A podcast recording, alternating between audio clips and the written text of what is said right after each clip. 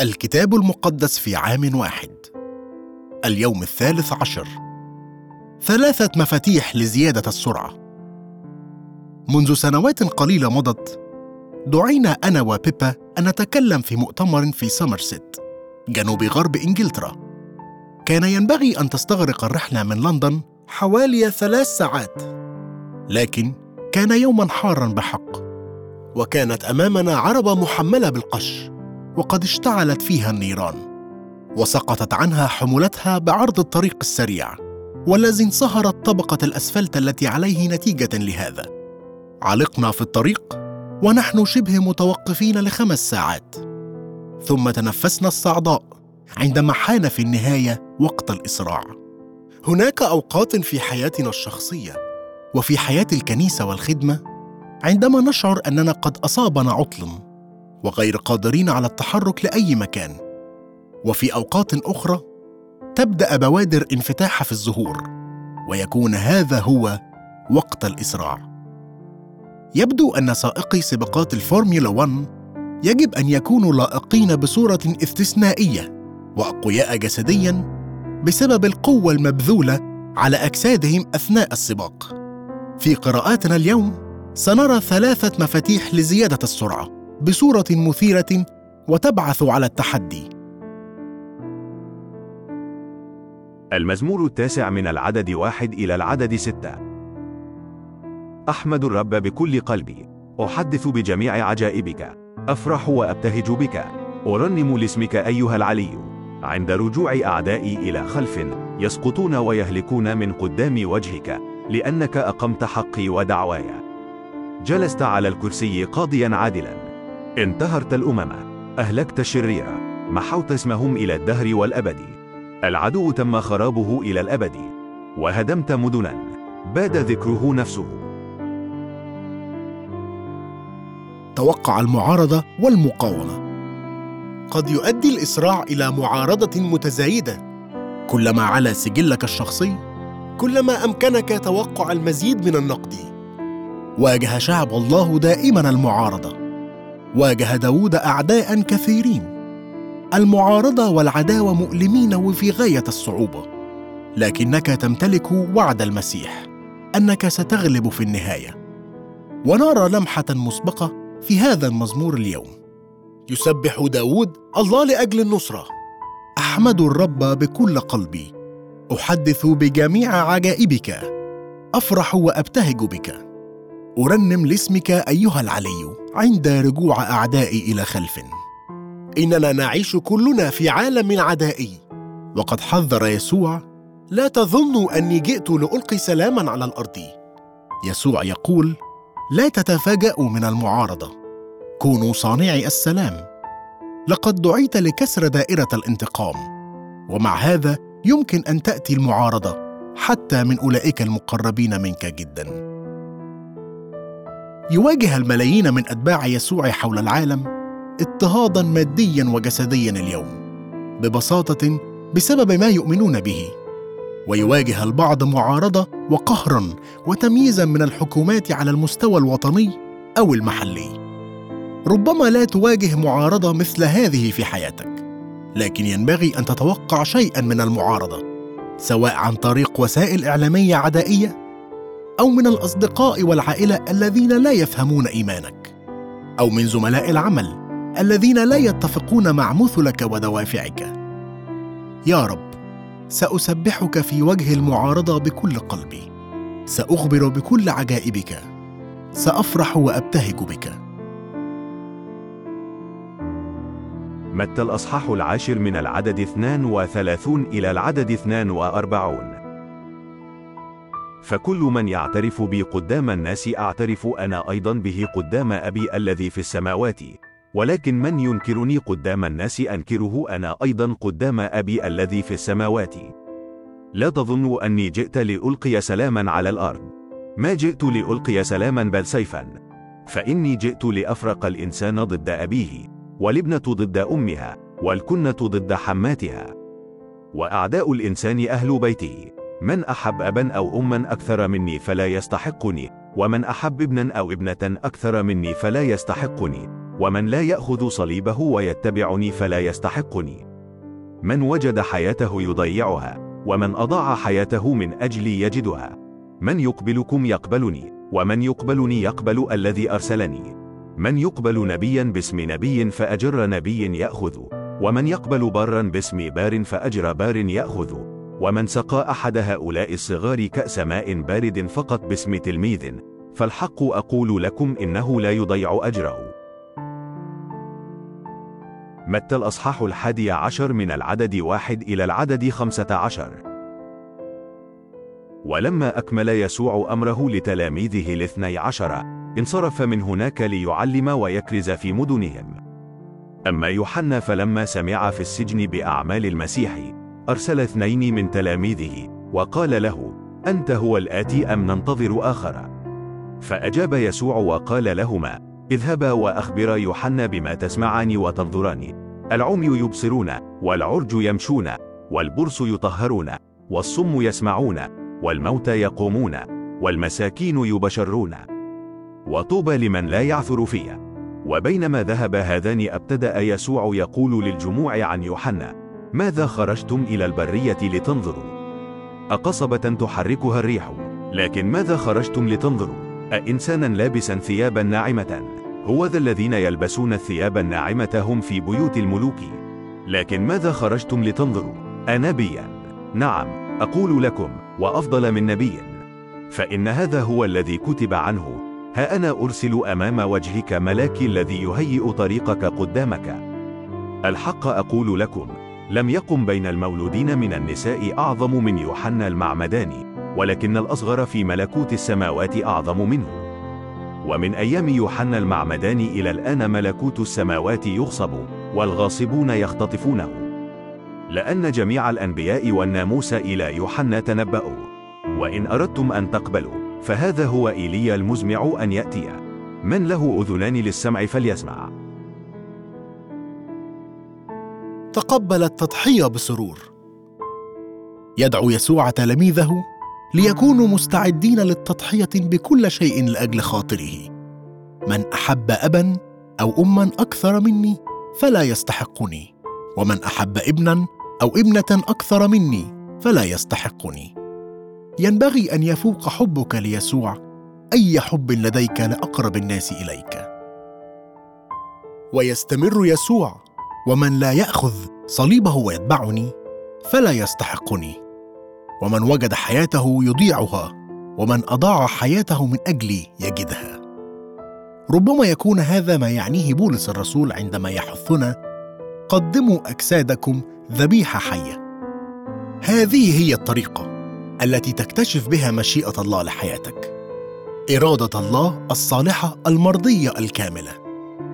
إن أردت أن يستخدمك الله أكثر إن أردت أن تسرع فينبغي أن تقبل هذا النوع من التضحية بكل سرور لا شيء تعمله في خدمة يسوع ويضيع هباء يقول يسوع ومن سقى أحد هؤلاء الصغار كأس ماء بارد فقط باسم تلميذ فالحق أقول لكم أنه لا يضيع أجره.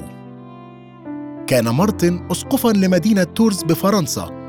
في عام 371 ميلاديا. وفي ليلة شديدة البرودة وإذ كان يمتطي جوادا مر على شحاذ. ترجل مارتن من على جواده ومزق رداءه إلى إثنين وأعطى نصفه للشحاذ. في تلك الليلة حلم مارتن حلما رأى فيه يسوع مرتديا الرداء الممزق إلى نصفين على كتفيه. وعندما سئل من أين أتى به أجاب يسوع خادمي مارتن أعطاه لي. في القرينة المباشرة في إنجيل متى ربما تعني كلمة التضحية التي يشير يسوع إليها ببساطة ربط هوية الشخص به وبالتالي ينال مثل ما نال يسوع في عالم عدائي حيث يقول فكل من يعترف بي قدام الناس أعترف أنا أيضا به قدام أبي الذي في السماوات. ولكن من ينكرني قدام الناس؟ أنكره أنا أيضا قدام أبي الذي في السماوات. يمكن أن يؤدي الاعتراف بيسوع إلى المقاومة والصعوبات. بالنسبة للكثيرين من التلاميذ الأوائل كان هذا يعني حرفيا أن ياخذ صليبه ويتبعني حتى إلى الموت. بالنسبة لنا ربما تكون التكلفة مختلفة. ولكننا مدعوون لنفس الالتزام الشديد بيسوع.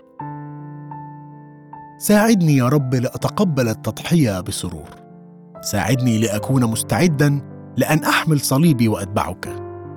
ساعدني لأن أكون مستعدا أن ترتبط هويتي بك. وألا أستحي بأن أعترف بك مهما كانت الظروف. اليوم أقدم لك جسدي ذبيحة حية. التكوين الأصحاح السابع والعشرون. وحدث لما شاخ إسحاق وكلت عيناه عن النظر أنه دعا عيسو ابنه الأكبر وقال له يا ابني. فقال له ها أنا ذا. فقال إنني قد شخت ولست أعرف يوم وفاتي. فالآن خذ عدتك جعبتك وقوسك واخرج إلى البرية وتصيد لي صيدا. واصنع لي أطعمة كما أحب وأتني بها لآكل حتى تباركك نفسي قبل أن أموت. وكانت رفقة سامعة إذ تكلم إسحاق مع عيسو ابنه. فذهب عيسو إلى البرية كي يصطاد صيدا ليأتي به. وأما رفقة فكلمت يعقوب ابنها قائلة إني قد سمعت أباك يكلم عيسو وأخاك قائلا ائتني بصيد واصنع لي أطعمة لآكل وأباركك أمام الرب قبل وفاتي. فالآن يا ابني اسمع لقولي فيما أنا آمرك به. اذهب إلى الغنم وخذ لي من هناك جديين جيدين من المعزة. فأصنعهما أطعمة لأبيك كما يحب. فتحضرها إلى أبيك ليأكل حتى يباركك قبل وفاته. فقال يعقوب لرفقة أمه هو ذا عيسو أخي رجل أشعر وأنا رجل أملس. ربما يجسني أبي فأكون في عينيه كمتهاون. وأجلب على نفسي لعنة لا بركة. فقالت له أمه لعنتك علي يا ابني. اسمع لقولي فقط واذهب خذ لي. فذهب وأخذ وأحضر لأمه فصنعت أمه أطعمة كما كان أبوه يحب. وأخذت رفقة ثياب عيسو ابنها الأكبر الفاخرة التي كانت عندها في البيت وألبست يعقوب ابنها الأصغر وألبست يديه وملاسة عنقه جلود جديي المعزة. وأعطت الأطعمة والخبز التي صنعت في يد يعقوب ابنها. فدخل إلى أبيه وقال يا أبي. فقال ها أنا ذا. من أنت يا ابني؟ فقال يعقوب لأبيه أنا عيسو بكرك. قد فعلت كما كلمتني. قم جلس وكل من صيدي لكي تباركني نفسك. فقال إسحاق لابنه ما هذا الذي أسرعت لتجد يا ابني؟ فقال إن الرب إلهاك قد يسر لي. فقال إسحاق ليعقوب تقدم لأجسك يا ابني. أأنت هو ابن عيسو أم لا؟ فتقدم يعقوب إلى إسحاق أبيه فجسه وقال الصوت صوت يعقوب ولكن اليدين يدا عيسو ولم يعرفه لأن يديه كانتا مشعرتين كيدي عيسو أخيه فباركه. وقال هل أنت هو ابن عيسو؟ فقال أنا هو فقال قدم لي لآكل من صيد ابني حتى تباركك نفسي فقدم له فأكل وأحضر له خمرا فشرب. فقال له إسحاق أبوه تقدم وقبلني يا ابني. فتقدم وقبله فشم رائحة ثيابه وباركه وقال انظر رائحة ابنك رائحة حقل قد باركه الرب. فليعطك الله من ندى السماء ومن دسم الأرض وكثرة حنطة وخمر ليستعبد لك شعوب وتسجد لك قبائل. كن سيدا لإخوتك وليسجد لك بنو أمك. ليكن لعنك ملعونين ومباركوك مباركين. وحدث عندما فرغ إسحاق من بركة يعقوب ويعقوب قد خرج من لدن إسحاق أبيه أن عيسو وأخاه أتى من صيده فصنع هو أيضا أطعمة ودخل بها إلى أبيه وقال لأبيه ليقم أبي ويأكل من صيد ابنه حتى تباركني نفسك فقال له إسحاق أبوه من أنت؟ فقال أنا ابنك بكرك عيسو فارتعد إسحاق ارتعادا عظيما جدا وقال فمن هو الذي أصطاد صيدا وأتى به إلي فأكلت من الكل قبل أن تجيء وباركته. نعم ويكون مباركا. فعندما سمع عيسو كلام أبيه صرخ صرخة عظيمة ومرة جدا وقال لأبيه باركني أنا أيضا يا أبي. فقال قد جاء أخوك بمكر وأخذ بركتك. فقال ألا إن اسمه دعي يعقوب فقد تعقبني الآن مرتين. أخذ بكوريتي. وهو ذا الآن قد أخذ بركتي. ثم قال أما أبقيت لي بركة؟ فأجاب إسحاق وقال لعيسو إني قد جعلته سيدا لك ودفعت إليه جميع إخوته عبيدا وعضدته بحنطة وخمر. فماذا أصنع إليك يا ابني؟ فقال عيسو لأبيه ألك بركة واحدة فقط يا أبي؟ باركني أنا أيضا يا أبي. ورفع عيسو صوته وبكى. فأجاب إسحاق أبوه وقال له هو ذا بلا دسم الأرض يكون مسكنك وبلا ندى السماء من فوق. وبسيفك تعيش ولأخيك تستعبد ولكن يكون حينما تجمح أنك تكسر نيره عن عنقك. فحقد عيسو على يعقوب من أجل البركة التي باركه بها أبوه. وقال عيسو في قلبه قربت أيام مناحة أبي فأقتل يعقوب أخي. فأخبرت رفقة بكلام عيسو وأبنها الأكبر. فأرسلت ودعت يعقوب ابنها الأصغر وقالت له هو ذا عيسو أخوك متسل من جهتك بأنه يقتلك. فالآن يا ابني اسمع لقولي وقم أهرب إلى أخي لابان إلى حاران وأقم عنده أياما قليلة حتى يرتد سخط أخيك. حتى يرتد غضب أخيك عنك وينسى ما صنعت به. ثم أرسل فأخذك من هناك. لماذا أعدم اثنيكما في يوم واحد؟ وقالت رفقة لإسحاق مللت حياتي من أجل بنات حثة. إن كان يعقوب يأخذ زوجة من بنات حثة مثل هؤلاء من بنات الأرض فلماذا لي حياة؟ التكوين الأصحاح الثامن والعشرون. فدعا إسحاق يعقوب وباركه وأوصاه وقال له لا تأخذ زوجة من بنات كنعان. قم اذهب إلى فدان أرامة إلى بيت بتوئيل أبي أمك. وخذ لنفسك زوجة من هناك. من بنات لابان أخي أمك. والله القدير يباركك ويجعلك مثمرا ويكثرك فتكون جمهورا من الشعوب. ويعطيك بركة إبراهيم لك ولنسلك معك لترث أرض غربتك التي أعطاها الله لإبراهيم. فصرف إسحاق يعقوب فذهب إلى فدان أرامة إلى لابان بن بتوئيل الأرامي. أخي رفقة أم يعقوب وعيسو. فلما رأى عيسو أن إسحاق بارك يعقوب وأرسله إلى فدان أرام ليأخذ لنفسه من هناك زوجة إذ باركه وأوصاه قائلا لا تأخذ زوجة من بنات كنعان. وأن يعقوب سمع لأبيه وأمه وذهب إلى فدان أرام. رأى عيسو أن بنات كنعان شريرات في عيني إسحاق أبيه فذهب عيسو إلى إسماعيل وأخذ محلة بنت إسماعيل بن إبراهيم. أخت نبايوت زوجة له على نسائه. فخرج يعقوب من بئر سبع وذهب نحو حاران وصادف مكانا وبات هناك لأن الشمس كانت قد غابت وأخذ من حجارة المكان ووضعه تحت رأسه فاضطجع في ذلك المكان. ورأى حلما وإذا سلم منصوبة على الأرض ورأسها يمس السماء وهو ذا ملائكة الله صاعدة ونازلة عليها. وهو ذا الرب واقف عليها. فقال أنا الرب إله إبراهيم أبيك وإله إسحاق.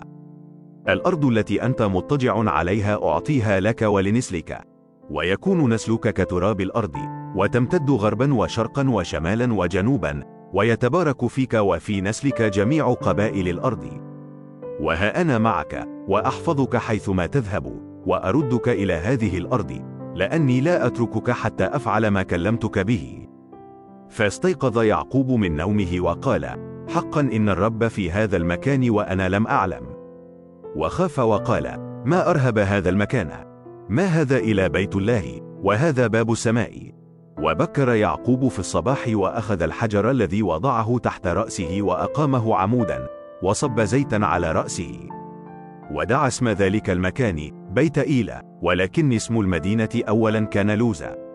ونذر يعقوب نذرا قائلا إن كان الله معي وحفظني في هذا الطريق الذي أنا سائر فيه وأعطاني خبزا لآكل وثيابا لألبس ورجعت بسلام إلى بيت أبي يكون الرب لي إلها وهذا الحجر الذي أقمته عمودا يكون بيت الله وكل ما تعطيني فإني أعشره لك.